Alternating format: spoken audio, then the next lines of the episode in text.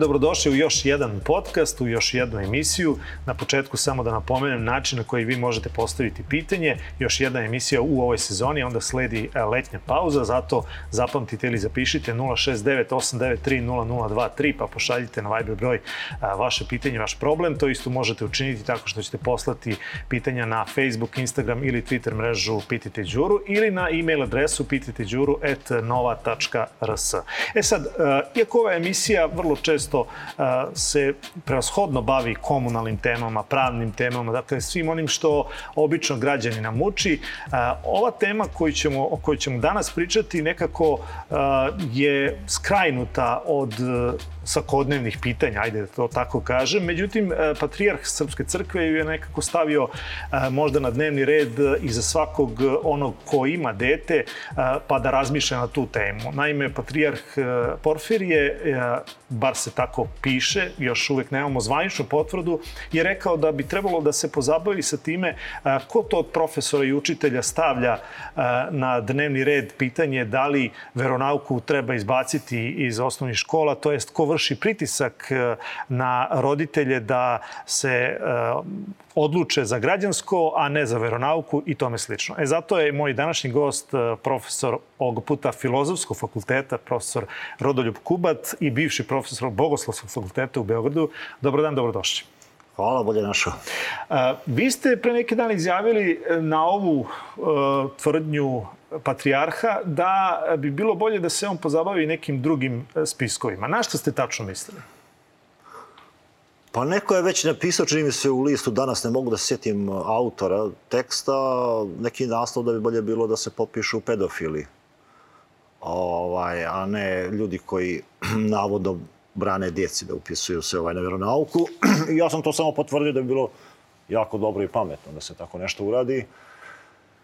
Jer vidite, ti nesretnici zapravo što oni već to su što jesu i što su sebe upropastili, upropaštavaju te žrtve nasilja ili čega, oni upropaštavaju sve nas. I djecu, i crkvu, i narod generalno. Tako da bi dobro bilo ako bi patrijarh ovaj, odlučio da napravi taj spisak ljudi i da se postupi po zakonu. Neko u zatvor, neko u manastirski zatvor, neko ko nije kriv. Da se abolira i tako dalje. Dugo godina ste bili na Bogoslov fakultetu. Kad to govorite, pretpostavljam da imate uh, i, bar ako ne govorkanja, uh, neke stvari na koga tačno mislite. Dakle, mi smo imali, uh, imali smo slučaj Kačavenda, imali smo slučaj uh, Pahomije, pa to nekako je skrajnuto i mi s, neke represalije u našem zakonu u odnosu na njih nismo imali. Pa znate kako, Kačavendi i Pahomiju ne bi mogao da govorim ništa posebno, osim toga što već nije bilo u medijima. Mm -hmm. Ja te ljude praktično ne poznajem. E, za probleme na Bogoskom fakultetu su saznali manje više svi. Ja sam čak jedan od poslednjih koji je to saznao. I onda sam bio pokrenuo neku priču da se to ispita, prosto da ne bi sad čitav fakultet i profesori koji tu rade i studenti bili pod nekom stigmom. Međutim, to je nekako naišlo na, kako da kažem, ispalo je da se štite ti ljudi koji su to radili, a na neki način progone oni koji traže samo da se ovaj slučaj ispita. Ne mislim da je tu Patrijar Porfiri odigrao neku aktivno negativnu ulogu. Zna on to sve. Ja sam njemu to i rekao u oči.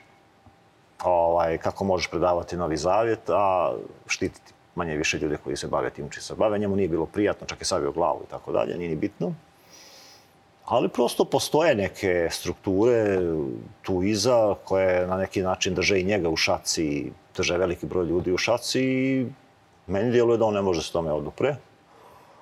A ovi ostali ljudi, tek šta za njih reći, za sveštenike, profesore, to su sve ljudi koji žive od te plate, hrane porodice, u kreditima su i gdje i oni su manje više odlučili da ćute. To im ne ide na čast Ali opet negdje, kako da kažem, imam neku vrstu razumijevanja ovaj, upravo iz tog razloga što su to mladi ljudi čije su karijere u pitanju i onda prosto ta neka ljudska slabost pretegne. E sad, te studentkinje koje su optuživale jednog od profesora su i dalje tu. Da li neko sa njima razgovara, da li se tu nešto pokreće, vjerujte, ja nisam već nekoliko godina u toku.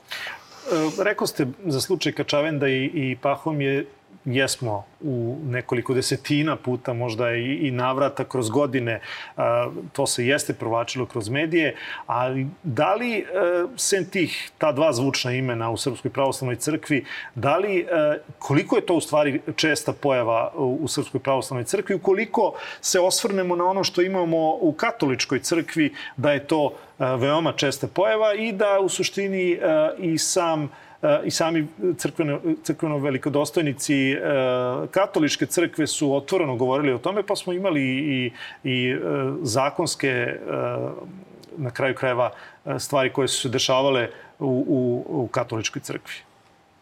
Pa ima toga, pazite, čovjek je čovjek i to sklonno svakoj vrsti grijeha.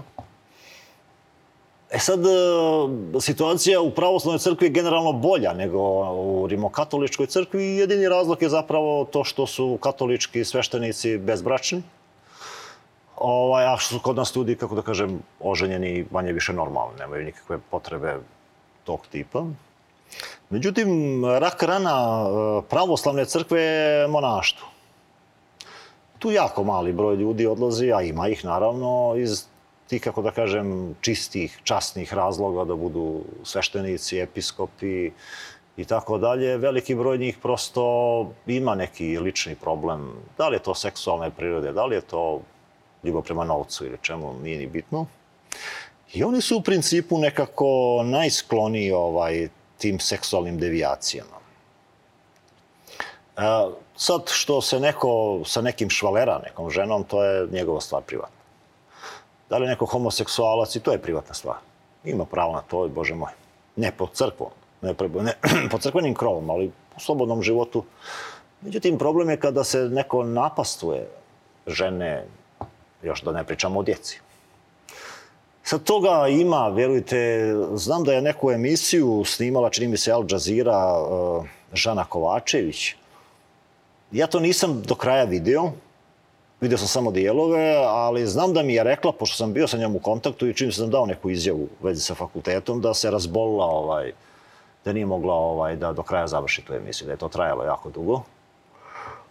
Tako da, toga, verovatno samo mali dio toga izišao u javnost šta se dešava. A kad kažete to, to je veoma intrigantna izjava. Dakle, kada vi kažete da je monaštvo rak rana Srpske pravoslavne crkve. Ne, uopšte pravoslavne crkve, ne samo Srpske, svuda je to. Mm -hmm. A, da li to znači, pošto znamo po kanonu, dakle, da biste postali vladika, to jest na neki način, ako to prevedemo u, u ovdašnji svet, general unutar vojske, ako da. ćemo to na taj način da, da, da napravimo paralelu, da li to znači da onda većina naših vladika e, dolazi upravo iz te problematične sredine sa problematičnim stavovima o svetu oko sebe? Pa da, da. Uh, Jer da biste postali vladika, vi da. morate biti monah. Pa da, to je sad jedna praksa koja je u crkvi preovladala negdje u doba Vizantije, recimo neki deseti vijek. Uh, tada je carajima vizantijskim bilo jako bitno da imaju vojnike, a ne da imaju oženjene ljude. Znači neko ko je potpuno posvećen ovaj crkvi i tada su postojala stroga pravila i nadzor od strane državne vlasti, tako da bilo ko ko bi se ogriješio na bilo koji način o tome, principu mogu očekivati neku vrstu sankcija. Međutim, posle svih ovih dešavanja, kada se crkva otela kontroli bilo čega, zavladalo je to što je zavladalo. Drugo što je još važnije, apostol Pavle u jednoj od svojih poslanica opisuje da episkop može da bude samo onaj ko je oženjen. Samo onaj ko je domaćin u svojoj kući, on može biti domaćin i u crkvi. Znači, on praktično zabranjuje monasima da budu sveštena lica, odnosno da budu episkopi. I ta praksa je dugo vladala. Imate, recimo, najuglednije praktično uh, uh, uh, patrijarhe i svešteni, patrijarhe pogotovo koji su ovaj, bili prije toga oženjeni, recimo, kao što je bio kod nas German. Bio oženjen. Pa imate praktično najveće e, teologe crkve, ovaj, ljude koji su potekli iz porodica kako, bračnih. Imate recimo jednog Grigorija Niska koji se je ženio, pa ipak je on bio skloniji monaštvo, onda je otišao iz monaških razloga u tako nešto. Pa njegov otac koji je izrodio najveće praktično teologije bio, episkop je bio oženjen čovjek. Ovaj, tako da je ta praksa nekako danas preovladala i praktično u crkvi su, ali apsolutno su vlast drže monasi. I zato se dosta te djece zapravo opredeljuje da ide u monaštvo. Jer oni očekuju sutradan da, da ih postave za episkope. Vi ako ste nekada bili u prilici da budete blizu patrijaršije kada je sabor, pa to imate, to sve se crni od tih mladih kaluđera i samo se govor kako će koga da bira za episkopa, gdje će da bude episkop i tako dalje. Tako da, pravoslavna crkva mora da prođe kroz izvjesnu, kako da kažem, popravku, ovaj, i da se tu neke stvari vrate u normalu, u principu tu rano hrišćansku koncepciju. A da li mislite da je to moguće s obzirom da se vrlo često može čuti u javnosti da, da dosta vladika je odabrala upravo tajna služba, to je služba naše države eh, još od vremena posle Tita? To jest posle drugog svetskog rata za vreme Tita. Ma da, to je poznata stvar. Pazite, vladika Sava pokojni je imao spisak svesku. Ovaj, eh, Govorimo o šumadijskom vladiku. Da, da, o šumadijskom vladikom, neobično uglednom čovjeku ovaj, gdje je popisao i pedofile i saradnike ovaj, državne bezbednosti i tako dalje. On je umro, ali ne prirodnom smrću. I ta sveska je nestala. Tu je bilo sve praktično zapisano i tu se mnogo toga krije. Ovaj, uh, I to je, kako da kažem, negdje od, od e, drugog svjetskog rata praktično državna bezbednost je stavila šapu na, na uh, crkvu. Mada istini za volju. Crkva je ranije bila, samo što je to bilo, kako da kažem, vidljivo. Isto pod, pod kontrolom, ne znam, kraljeva, patrijarha je postavlja praktično kralj kada sabor izabere, episkop su uvijek morali da dobiju ukaze od kralja da bi bili episkopi. E sad ovdje u vremenu komunizma je praktično bilo ono, kako da kažem, tajna. Tako da vjerovatno i danas te strukture su vrlo jake ovaj, e, unutar same crkve, pa Otubika Čavenda i dalje opstajao tu. Pa pazite, on ima operativno ime, Pablo, to se zna. On je cinkao popove ljude, neki su sveštenici zaglavljivali u zatvor. Znam jedno, on je bio dugo sekretar sinoda, Sava Janjić, on je ovaj, pet godina ležao u zatvoru zahvaljujući Kačavendi. Tako da toga imate, mislim, ja nisam istoričar, niti čak te stvari pratim, nego čisto sam zakačio živio sam 10 godina na Bogoskom fakultetu, pa ono, prosto... E, znači, ako ja vas dobro razumem, i danas su ti ljudi prisutni među nama, Naravno. to jest među vladikama. Naravno, pa oni drže tu priču, zato Porfirije zapravo koji nema veze sa tim, ja Porfirije poznajem preko 25 godina, je verovatno u šahu, zašto, kako, ne znam. On ne bi trebao da ima nikakvu vrstu ovaj, e, straha od njih, u smislu da bi neko mogao da iznese neku njegovu aferu, jer za sve ove godine niko nije nikad našao. Da li se onda može staviti znak pitanja i na način odabira naših patrijarha?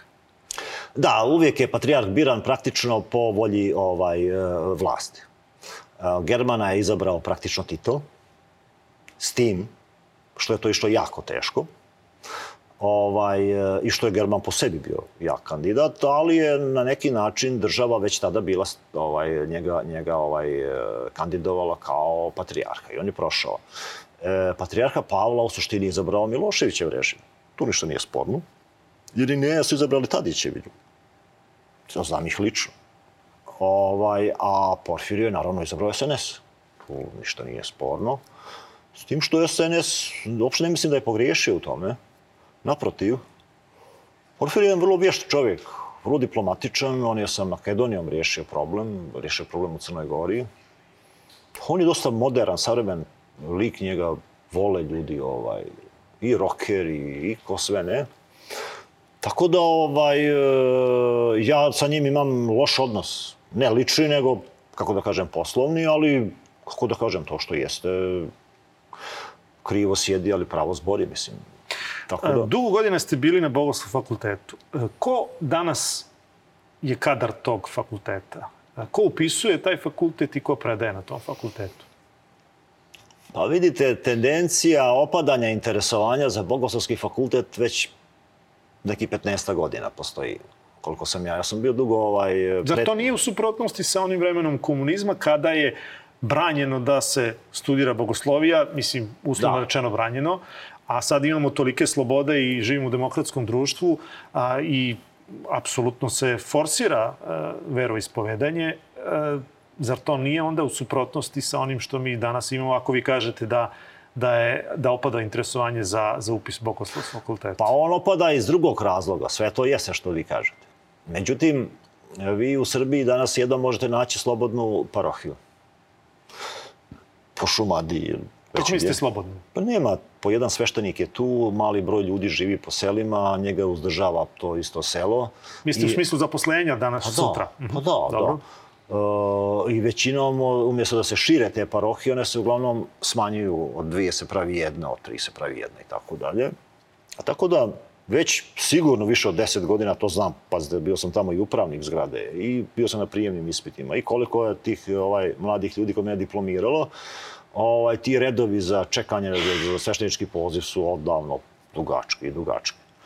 Što tiče vjeroučitelja, jedan taj talas vjeroučitelja koji se zaposlio, to su sve manje više ljudi ovaj, e, isti godina, oni su dobili posao ovaj, u, u, u školama, a, međutim, e, kao što i sami vidite, tendencija je da se smanjuje broj upisanih, odnosno ovaj, djece koja se interesuju za veronauku. A, tako da, ovaj, ja ne znam koliki je spisak potencijalnih vjeroučitelja koji nemaju posla u Beogradu i po Srbiji. Ima, po manjim mjestima ima ali sad neće nikad u manjem mjestu, nego si bi oni mogli u Beogradu, u Knezu da budu, ne znam, kralja Petra i tako dalje. Što je isto razumljivo, mislim.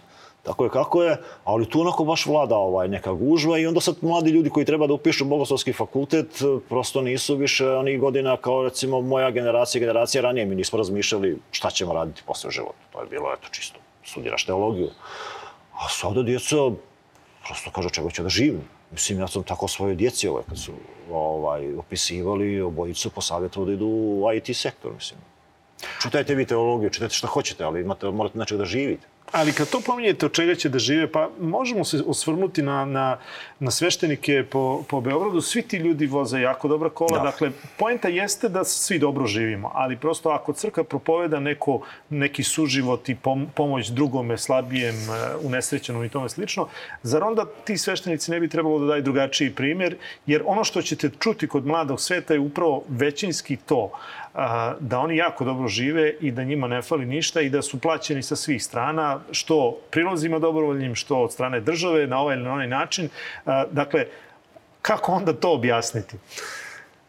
Odakle pa ima to je, onda ne, pa to je jednostavno, kako da kažem, pazite, vi imate nekoliko mjesta u Srbiji gdje sveštenici jako dobro žive. Uh mhm. -huh. To je Beograd, Novi Sad, verovatno dio Niša, možda nešto u Kragujevcu, uh mhm. -huh još po nekom gradu. Na samoj periferiji, po Šumadiji, po istočnoj Srbiji, po jugoistočnoj Srbiji, na Kosovu, pa to su zastrašujuće siromašni ljudi. Ja ih poznajem mnoge. Pa ljudi ne mogu da školuju djecu.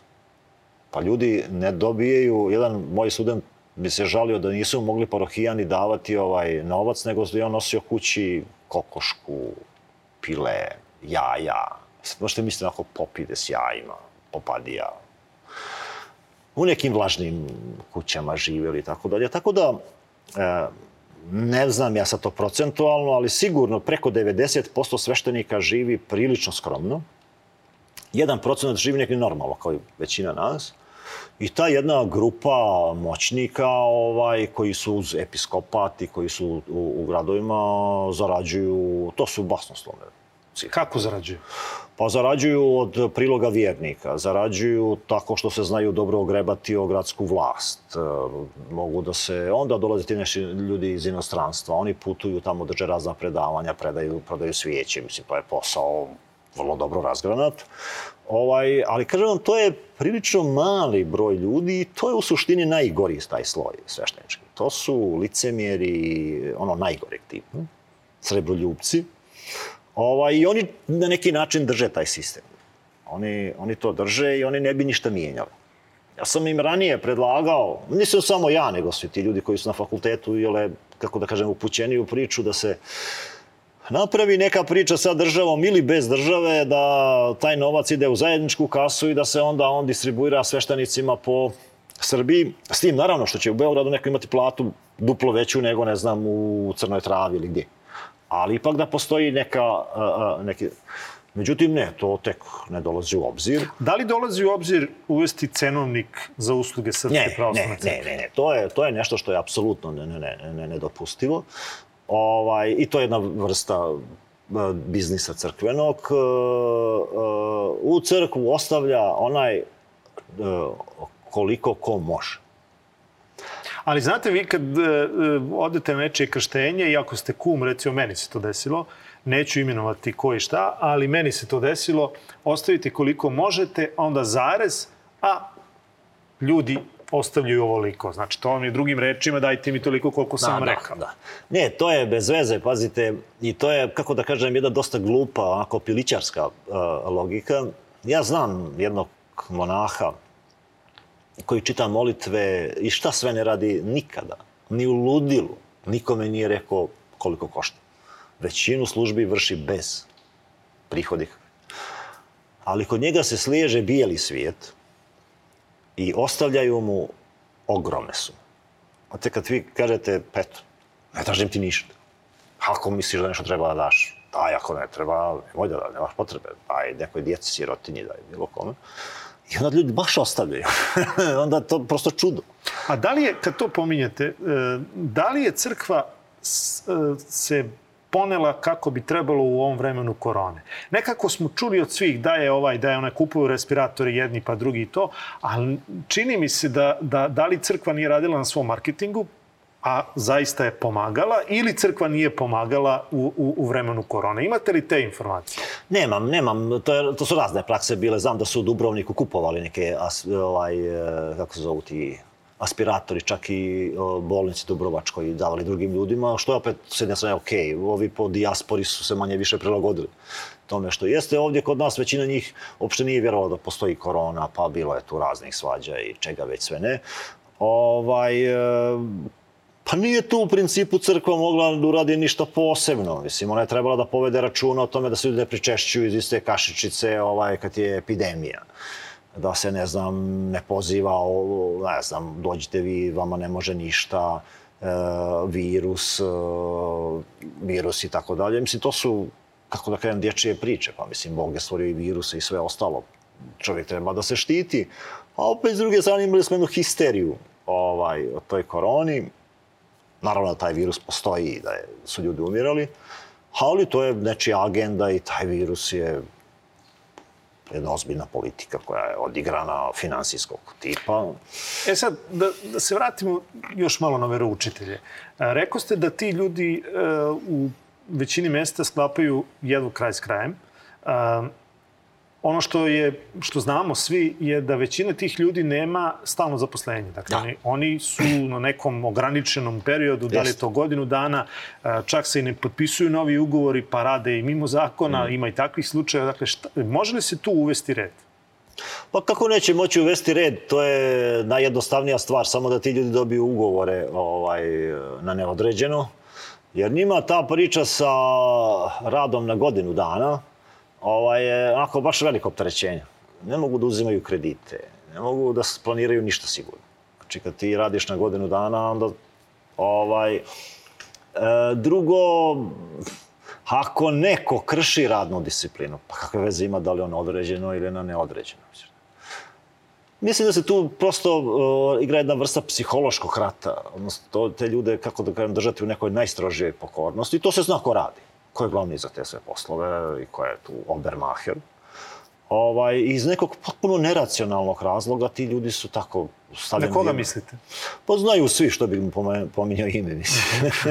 Napravi kviz, Đuro, ovaj, pa ti gađi. Dobro, drugom Evo, prilikom garantujem kviz. ti da ćeš imati 99% ovaj. A da li je kviz bio, kad već pominjete kviz, a, da li je kviz bila na neki način opet polarizacija građana Srbije kada je a, uvođena veronauka u crkve, pa ste onda s jedne strane imali veronauka ili građansko. Dakle, nije postojala varijanta i jedno i drugo. Da. Dakle, nekako su se ljudi i roditelji stavili pred, pred, pred jedan izbor koji možda apsolutno nije prirodni izbor. Zašto dete koje polaže, to jest odabere veronauku, ne bi moglo da ide na građansko vaspitanje. Nekako se odmah u startu te dve stvari su se razdelile. Ma to je naša nesreća, prvo srbijanci, drugo srbijanci, religiozni, nereligiozni, mi imamo stalnu potrebu da se ćeramo. Mislim, to je nešto što je nama valjda u krvi. Međutim, ja bih sad malo, malo vratio na čitavu priču, ako mi ovaj, dozvolite. Mm -hmm. vidite, ni veronauka, ni građansko nisu trebalo da se uvedu na način na koji su uvedeni. To je potpuno nepotrebno. Šta je, onaj ko vjeruje nije građanin. Ne znam, ovaj koji je građanin, on ne može Ili biti nije vjernik. vaspitan. Pa, mislim, to, to prvo nema nikakve veze. Drugo, e, veronauka je zamišljena previše klerikalno, ovaj, konfesionalno, zatvoreno dosta što je s jedne strane nepotrebno. S druge strane, građansko je napravljeno kao otklon od tradicije, od crkve, od svega, što je opet ludilo ništa manje od toga.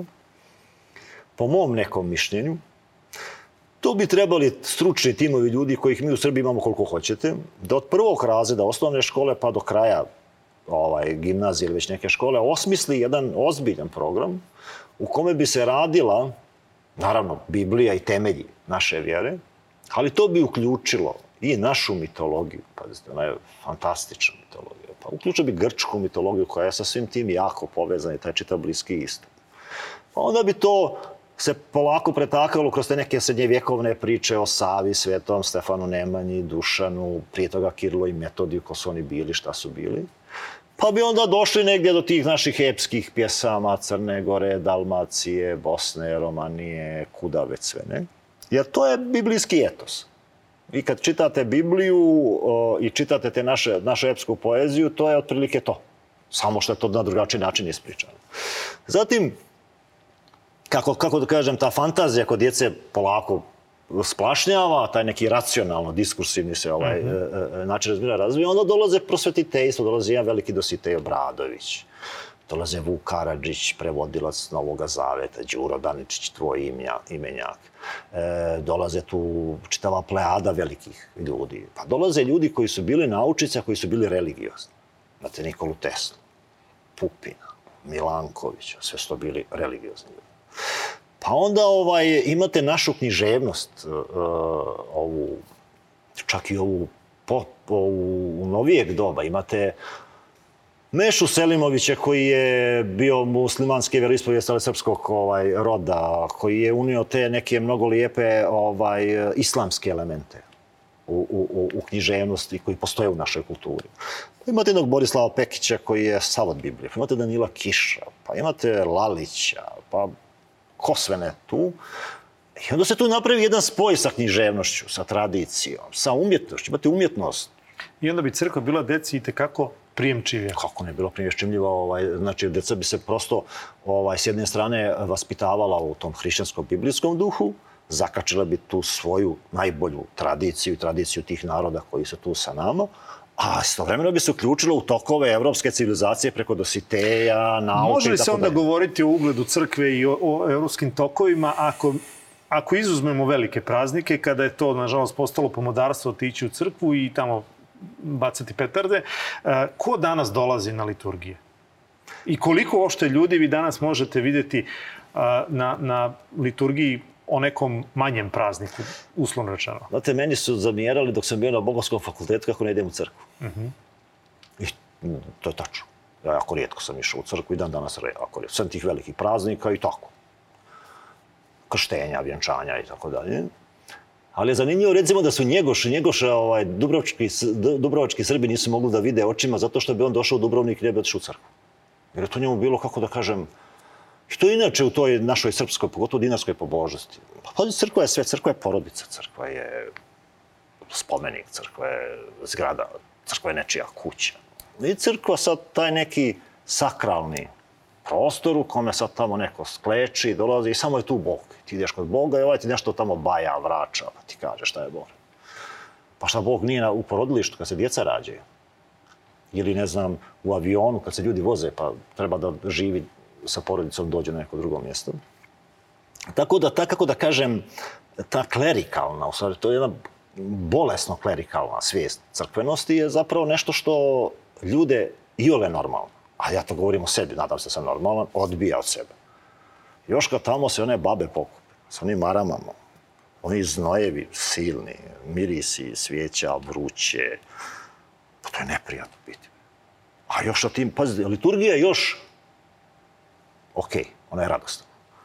Ali ko je išao na večernje, na bdenja, na ta monaška bogosluženja, to je čista patologija. Čista patologija. Tako da dok se te stvari ne izmijenu, ovaj, e, i dalje će ljudi prigovarati Njegošu nekada, ne znam sad, nama nekim mlađima, to oni su necrkvene, ne idu u crkvu. Kad pominjete Crnu Goru i Njegoša, e, hoće li Crna Gora, to jest Crnogorska pravoslavna crkva, doživjeti sudbinu Makedonske pravoslavne crkve? Ma ne, ne, to je nemoguće. Zašto? Pa ne, Makedonci su jedan narod koji je nama praktično najbliski, ovaj, po mnogo čemu i prisustvo Srba na prostoru Makedonije je vidljivo na svakom koraku.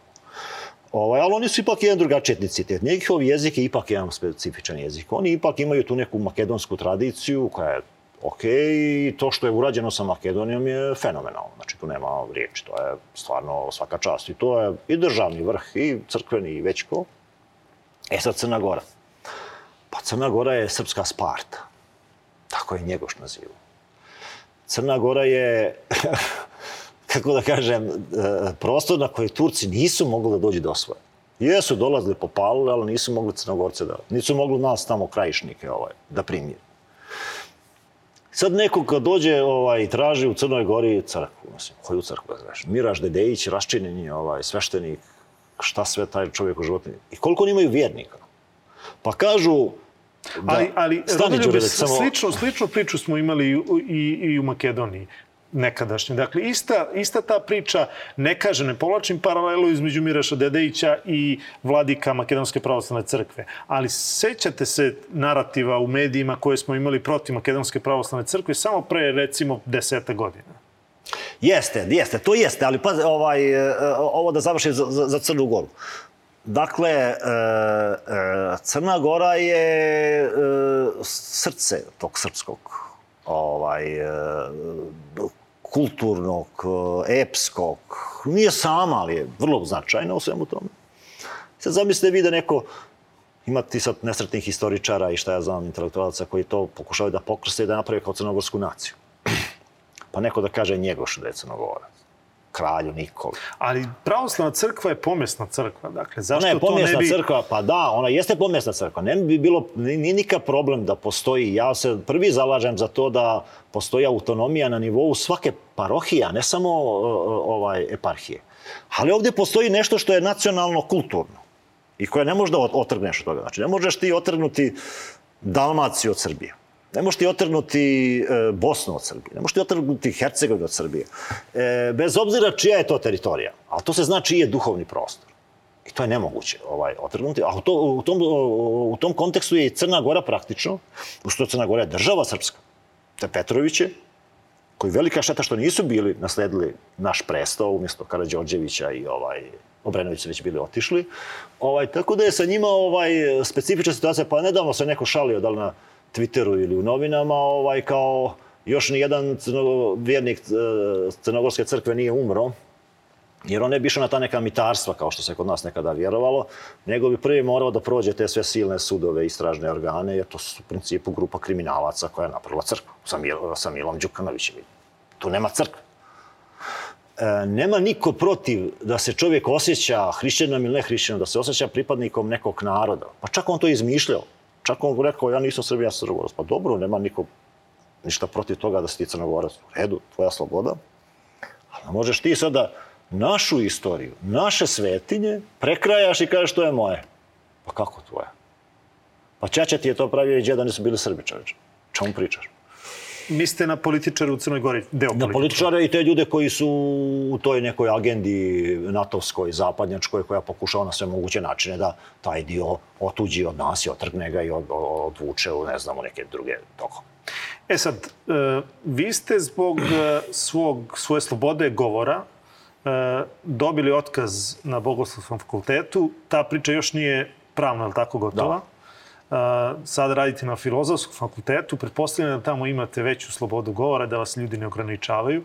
A da li je e, cenzura mišljenja u, u Srpskoj pravoslavnoj crkvi nešto što mi dan zaživimo? To jest, zašto nema više ljudi kao što ste vi koji ste uh, na neki način predstavnik crkve, ajde da tako kažem, s obzirom da ste bili profesor Bogoslova fakulteta, zašto uh, je crkva u tom smislu tako napravljena, to jest formirana da vi kada želite, čak i mi novinari kojima je to posao, kada želimo da čujemo mišljenje, stav crkvenih velikodostojnika, to je jedan levak uh, iz kog zaista redko šta iscuri, prosto teško je dobiti bilo kakav odgovor, bilo kakve mišljenje od, od Srpske pravoslavne crkve i ukoliko, pogotovo ako imate kritičko mišljenje prema određenim stavovima Srpske pravoslavne crkve, onda ste u jednoj, na jednoj crnoj listi gde uh, gde, gde nas opet dele na ove i na one, na podobne, nepodobne. Dakle, da li je moguće doći do tog stadijuma kada ćemo imati slobodu mišljenja unutar Srpske pravoslavne crkve?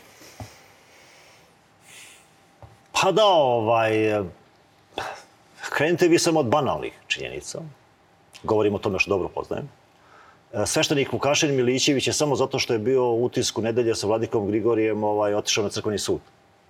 I šta mu sve nije tu priječeno i kako on kafka, kafkasijanski proces nije prošao. E, sveštenicima je zabranjeno da budu na društvenim mrežama. Ne smije niko da da nikakvu izjavu bez dozvole. E, I onda tu naravno da ne, ne može da postoji... Ko izdaje dozvolu? Ajde da to pojasnimo. Pa to se navodno pita patrijarh. Za svaku ali, moguću, svaki da, sveštenik da, bi trebao da traži da, da, ali to u principu pretpostavljam da rješavaju vikari. Vikarni, vikarni, da, vikarni episkop, neko od njih je sigurno zadužen za tako nešto, ne znam, nisam ja u tim tokovima. Da pojasnim ljudima, vikarni episkopi su episkopi koji nemaju da. svoju da svoju da. nadležnost teritorijalno, da. već su... Pomažu zapravo patrijarhu i nekom episkopu. Ja znam kada je patrijarh Irinej donio kod nas na fakultet taj ovaj, proglas da i mi s fakulteta ne smijemo da se javljamo bez blagoslova, ja sam sa jednim kolegom čime sad opet deset da pomenem. Hoćete kažete samo upadica. Dakle, da li je to pre Irineja, patrijarha, ne, bio patrijarh slučaj? Irinej, ne, nikada. Pa naravno, to nikada nije bio. To je na nagovor opet Obermahera. Ovaj, to, se, to, to je mučeni Irinej donio. Sad mi nekako jasnije ko je Obermaher. I onda je on jadnik, kad je došao tamo, mi ga pitali, pa dobro, vaša svetost, je naša to reći? Pa ka nisam ja to, pa ja sam mislio drugačije, pa desno, pa lijevo, ali ostalo to i dalje. Uh mhm. -huh. I on to, nego na te je tu nas zalagao.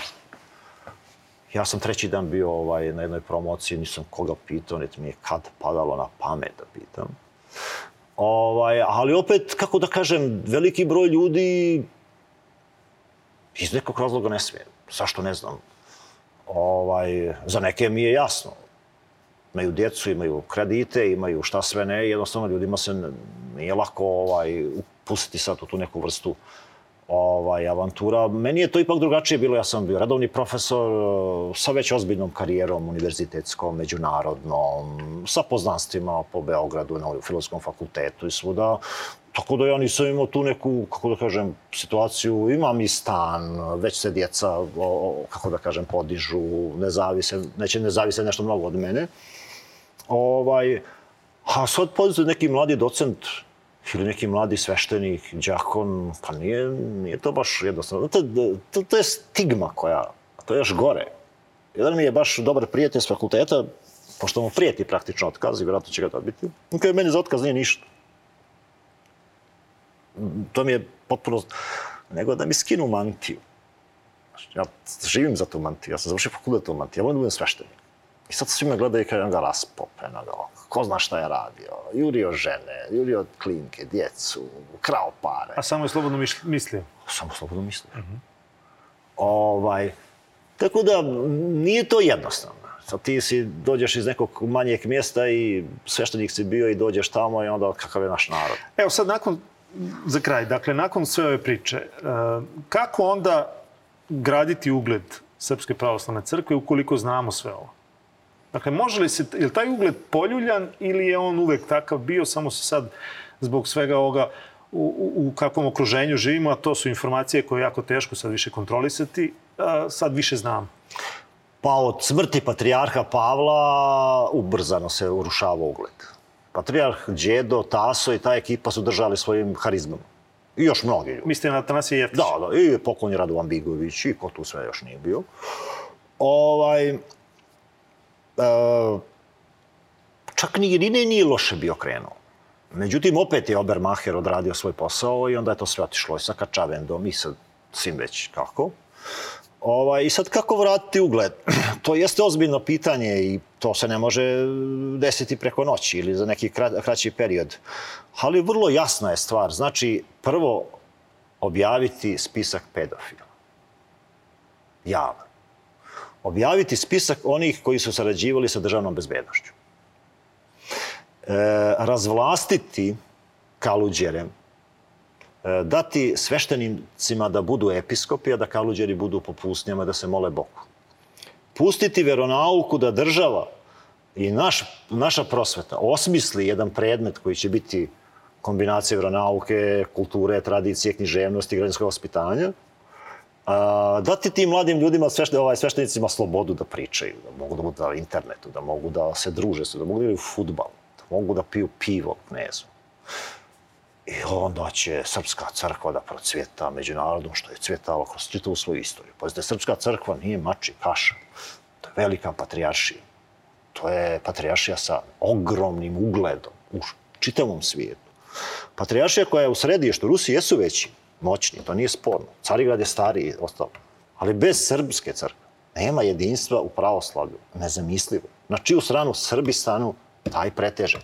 A nije poenta u tome da se stane na bilo čiju stranu. Nije poenta u tome da mi budemo centar. Nego je poenta u tome da mi budemo svi zajedno. I da mi tome doprinesemo. Tako da... Profesor, koliko ljudi staje na vašu stranu kada ovo govorite? Ogroman broj. Ogroman broj. Oni to ne smiju u javnosti da uh, stanu, ali i to ne samo da staju crkveni ljudi. Ne samo da staju moji studenti koji bi ruku dali glavu za mene, ili ne znam, staju mnogi ljudi građanskog vaspitanja. Staju mnogi ljudi koji uopšte nisu vjerujući. Imaju tu vrstu kulture, ali njima se ta vrsta hrišćanstva i tako viđenja ovaj stvarnosti sviđa u principu. Tako da, eto, imamo nesreću da nas nekolicina ljudi drži u nekoj vrsti crkvene tamnice i većina njih ćuti, ja sam jedini izišao i možda još tu nekoliko ljudi prkosimo ili već kako ali mislim da će oni ubrzo biti u nekom manastirskom zatvoru ili na džubrištu istorije svakako, sad, kako ne znam. Ako smijem da zaključim, dakle, kakva crkva, takva država ili obrnuto, kakva država, takva crkva? Država je sada mnogo dobra, država ide u mnogo pravcu. Ja kažem država, mislim vlast. Da, ne, i vlast je mnogo dobra, ide u mnogo dobrom pravcu. I ja se nadam da ćemo mi za recimo godinu dana, ako se budemo nas dvojica zemljaka našli ovdje, imati mnogo ljepših i pametnijih priča. Hajde da iz vaših usta u Božje uši, kako se to kaže. Tako. Hvala, hvala puno na izdvojenom vremenu. Dakle, danas smo pričali o crkvi, Srpskoj pravoslavnoj crkvi prevashodno, e, malo drugačije nego što ste navikli, a još jedna emisija za vaše pitanje, za vaše probleme, e, pa onda sledi letnja pauza. Ja mislim da smo zaslužili i mi da se odmorimo. Dakle, još samo da ponovim broj telefona na koji možete poslati vaše pitanje 069 893 0023, Facebook, Instagram i Twitter mreža Pitajte Đuru i e-mail adresa pitajteđuru.nova.rs.